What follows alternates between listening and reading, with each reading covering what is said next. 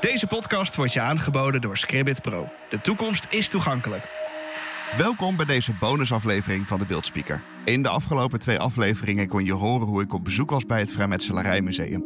En daar de werken, het monument voor de gevallen broeders en tempelbouw besprak. Heb je deze afleveringen nog niet gehoord, dan zijn ze zeker het beluisteren waard. In deze aflevering van de Beeldspeaker gaan we sfeer proeven. Het Vrijmetselarijmuseum in Den Haag is het beste te bereiken met het openbaar vervoer. Bus 22, 24 of 28 vanaf Den Haag Centraal of tramlijn 1 vanaf Den Haag Holland Spoor brengen je binnen een paar minuten naar de halt Mauritskade, Javastraat of Alexanderplein. Natuurlijk kan je ook een OV-fiets huren, dat is bovendien ook nog lekker gezond. Parkeren kan ook in de omgeving. Er zijn twee locaties. Nou moet je wel een paar minuten lopen en het kost je een paar cent.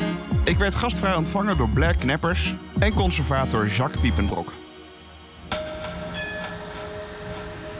Ga je mee?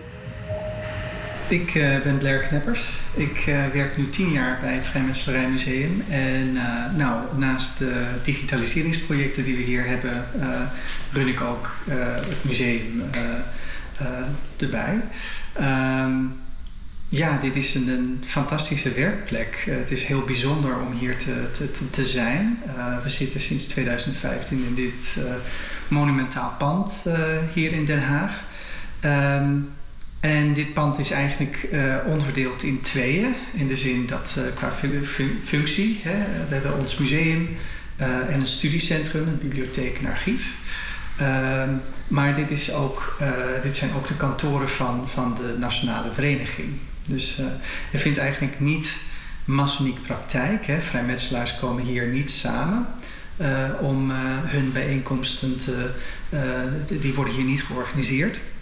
Maar dit is wel degelijk het, eh, het kloppend hart van, van de Nationale Vereniging. Hoe is het Vrijmetselaar Museum ontstaan? Waar, waar vindt het zijn oorsprong? Het museum uh, is eigenlijk ontstaan uit de, ja, de, de collecties die zichzelf uh, hebben ontwikkeld uh, van allerlei geschenken en, en aankopen enzovoort. En al, al, alle culturele bezit van de orde, uh, de Nederlandse orde, is in 1756 opgericht. Um, en in 1847 is dat, uh, zijn al die collecties bij elkaar gebracht aan de, uh, um, aan de Fluwele Burgwal, waar het hoofdgebouw stond, hier in Den Haag. En nou, we zijn eigenlijk stiekem toch een van de oudste musea van Den Haag. Uh, alleen, ja, uh, dat, dat weten de meeste mensen niet.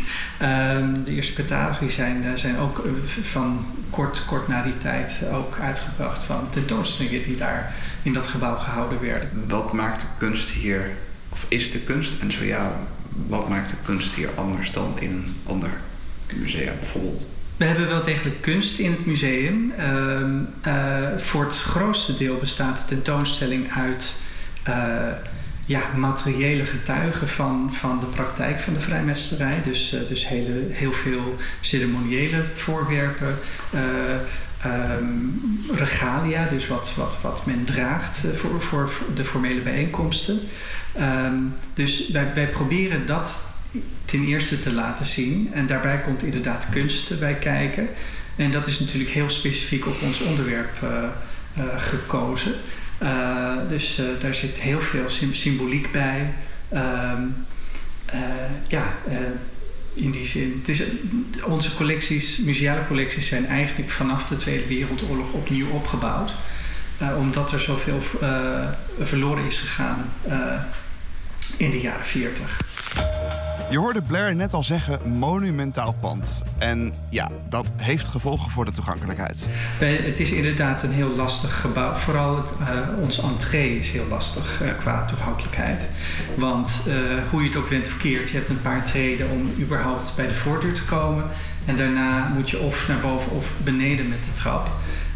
maar zodra je binnen bent, dan hebben we een lift. Dus dat, uh, dat uh, maakt het inderdaad een stuk makkelijker. en verder in, de, in het museum zelf zit heel veel achter glas. Of is tweedimensionaal. Dus het is, in, in, die, in die zin zijn we heel erg afhankelijk van, van het verhaal dat we daarbij vertellen. En ik moet je vertellen, dat verhaal is interessant.